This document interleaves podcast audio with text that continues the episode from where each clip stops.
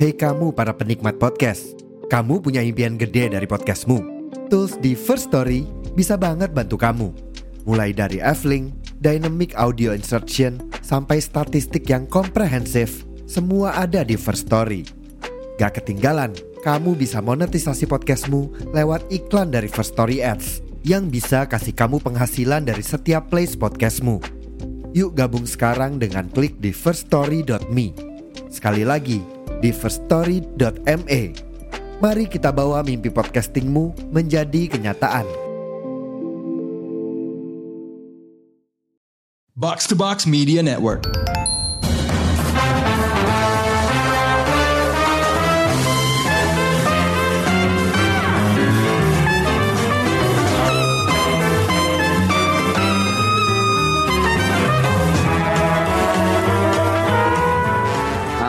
Teman-teman pendengar Showbox, akhirnya nih kita bisa ketemu lagi di episode terbaru Out of the Box dari Showbox Podcast bareng gue Krisna. Udah lama banget ya sejak terakhir Showbox bikin Out of the Box. Gua aja sampai udah lupa nih terakhir bahasa apaan. Ya malum aja, soalnya kan sepanjang Juli Agustus kemarin lagi ada banyak banget film summer blockbuster yang dirilis. Belum lagi film atau serial di OTT. Jadi ya Showbox emang harus prior prioritasin itu dulu sih. Tapi karena di Indonesia, tepatnya Jakarta, lagi ada event olahraga akbar yaitu Piala Dunia Basket atau FIBA World Cup 2023. eh, jadi kayaknya ini waktu yang tepat buat kembalinya episode Out of the Box. Jakarta sendiri jadi tuan rumah bareng Okinawa di Jepang dan Manila di Filipina. Kebetulan weekend kemarin gue juga sempet nonton 4 pertandingannya dan terasa banget kalau ini emang event yang berskala besar gitu ya dari tiketing sampai alur ke venue-nya itu rapi banget. Terus stadionnya nih Indonesia Arena itu juga bagus banget. Ya mungkin kalau ada yang kurang kayak jajanannya aja sih kurang banyak. Secara atmosfer setiap pertandingan juga terasa seru banget sih, terutama pas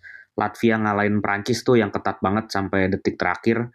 gue juga kaget sama jumlah supporter Latvia yang datang langsung ke stadion tuh rame banget. Gue nggak pernah tahu sih ada banyak orang Latvia di Indonesia. Jadi mungkin jangan-jangan sebagiannya ada juga yang terbang langsung dari negaranya. Nah, makanya nih, kayaknya ini waktu yang pas banget buat gua ngebahas film-film bertema basket paling mengesankan versi Showbox yang pilihannya ya tentu aja diwakilin sama gue gitu ya. Nah, di pilihan pertama gue itu adalah Hustle, film yang dirilis Netflix tahun lalu. Lewat film yang dibintangi Adam Sandler dan disutradarai Jeremiah Zagar ini, kita bisa ngelihat gimana uh, scout tuh kerja dalam mencari pemain untuk di draft atau direkrut tim NBA.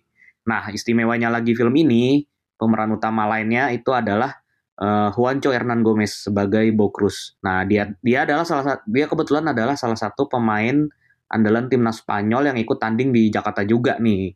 Nah, pas film ini dirilis si Juancho juga masih berstatus sebagai pemain salah satu klub NBA ya di Utah Jazz. Nah, selain si Juancho, pemain NBA lain yang ikut acting di film ini tuh ada si Anthony Edwards yang berperan sebagai Kermit Wills, uh, rivalnya Bo Cruz gitu lah di film ini. Kebetulan si bintang Minnesota Timberwolves ini juga tanding nih di FIBA World Cup bareng timnas Amerika ya, yang sayangnya gak kebagian main di Jakarta, tapi di Manila ya. Nah kehadiran si Juancho dan Anthony Edwards ini yang akhirnya juga bikin adegan-adegan main basket di uh, Hustle nih jadi kelihatan meyakinkan dan realistis banget lah ya. Apalagi selain mereka berdua nih sebenarnya masih ada belasan atau bahkan puluhan kali ya cameo dari pemain, mantan pemain, pelatih, sampai eksekutifnya klub-klub NBA. Tapi bahkan bukan itu sih menurut gue bagian terbaik dari Hustle ya.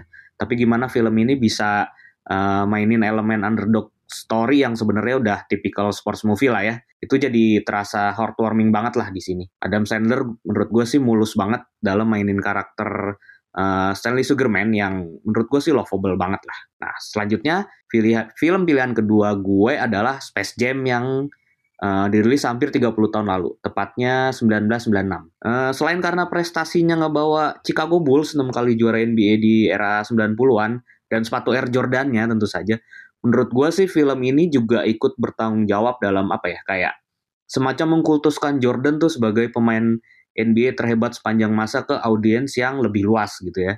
Bukan cuman penggemar basket gitu ya tapi penonton film juga gitu. Selain itu di film ini juga apa ya bisa dibilang kayak alat marketing NBA yang sangat sukses lah di era itu. Ya sama lah kayak dulu kartu NBA-nya tuh yang di Indonesia tuh dijualnya sampai di level pedagang mainan di depan SD SD gitu kan itu yang bener-bener ngenalin kita ya orang-orang yang tumbuh di era itulah ya sama NBA gitu akhirnya. Ya pastinya di film ini perjalanan Jordan ke dunia Looney Tunes buat tanding basket lawan alien-alien tuh waktu itu terlihat apa ya fresh dan fun banget lah. Selain Jordan di film ini juga ada Charles Barkley, Patrick Ewing, Larry Johnson, uh, siapa lagi, Sean Bradley dan Maxi Box sebagai pemain-pemain NBA saat yang masih aktif saat itu yang terus skillnya tuh diserap para alien gitu. 2021 lalu Space Jam akhirnya juga dapat sequel ya, tapi posisi uh, Jordan di situ tuh udah digantiin sama LeBron James. Nah, film basket pilihan gue selanjutnya adalah White Man Can Jump yang dirilis uh, 1992. Film ini disutradarai Ron Shelton dan dibintangi Wesley Snipes dan Woody Harrelson yang yang kelihatan 31 tahun lebih 31 tahun lebih muda dibanding sekarang tentunya. Di film ini ya kita sedikit menjauh lah dari uh, hingar-bingar industri basket basket profesional dan masuk lebih dalam tuh ke kultur kultur basket jalanan di Amerika. Uh, si Woody Harrelson nih berperan sebagai Billy Hoyle. Dia nih ceritanya mantan pemain basket tingkat kampus yang hidup dengan pura-pura nggak bisa main basket karena dia white gitu ya. Terus akhirnya nipu para pemain basket jalanan lainnya lah gitu. Nah sementara si Wesley Snipes nih berperan sebagai Sidney Dean, mantan lawan Billy yang sempat ditipu yang akhirnya jadi malah apa ya kayak semacam partnerin crime-nya Billy gitu lah. Nah, kayak chemistry mereka yang penuh trash talk ini nih kocak banget dan menghibur banget buat gue waktu itu ya.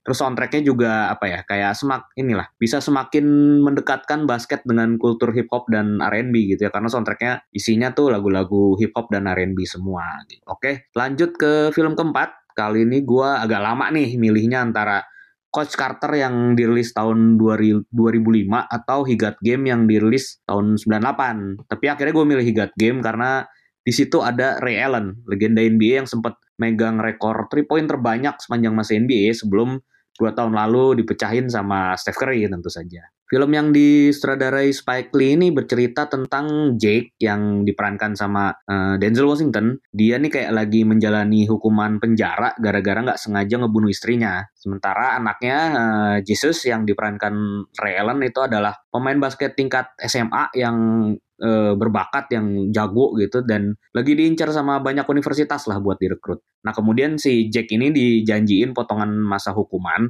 tapi syaratnya nih dia harus ngebujuk si Jesus buat milih masuk universitas yang uh, apa ya, yang kayak alma mater si gubernurnya lah gitu. Itu syaratnya lah gitu. Ya acting Denzel di film kayak emosi kayak gini sih ya kayaknya udah nggak perlu dibahas lagi lah. Tapi yang ngagetin dari film ini tuh ternyata Ray Allen tuh nggak cuma jago nembak three point ya. Di sini dia juga punya kemampuan acting yang lumayan sih menurut gua. Oke, masuk ke film terakhir pilihan gua. Hmm, ini sih kayaknya yang paling nggak boleh dilewatin ya. Yes, The First Slam Dunk film anime yang disutradarai langsung sama kreator mangganya yaitu sang maestro Takehiko Inoue. Sebagai salah satu sports manga pertama yang dirilis di Indonesia, ya bisa dibilang Slam Dunk turut bertanggung jawab lah bikin banyak orang di era itu di 90-an gitu ya. Anak-anak saat itu itu jadi pengen main basket gitu ya. Selain tentunya siaran NBA-nya Ari Sudarsono ya gitu. Ya meski dirilis eh, sekitar 27 tahun setelah mangganya tamat, tapi film ini tetap ditunggu karena nampilin bagian klimaks mangganya yang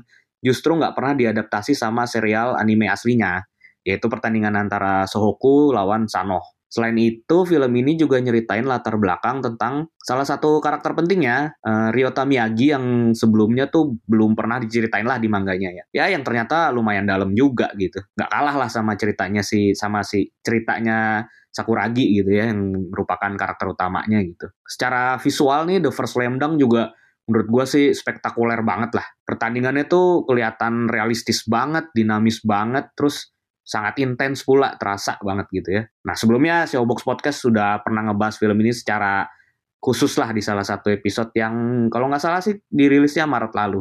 Cek aja lah kalau mau uh, dengar pembahasan kita lebih jauh tentang The First Slam Dunk ini. Oke, itu tadi film-film uh, tentang basket pilihan show, showbox yang mungkin bisa jadi apa ya semacam pengantar lah sebelum kamu nonton pertandingan-pertandingan FIBA World Cup ini di Indonesia Arena. Uh, pertandingan di Indonesia Arena sendiri masih bakal ada sampai 3 September besok dan pastinya sih bakal makin seru lah ya. Oke, terima kasih teman-teman yang udah dengerin. Sampai jumpa di episode Showbox Podcast selanjutnya.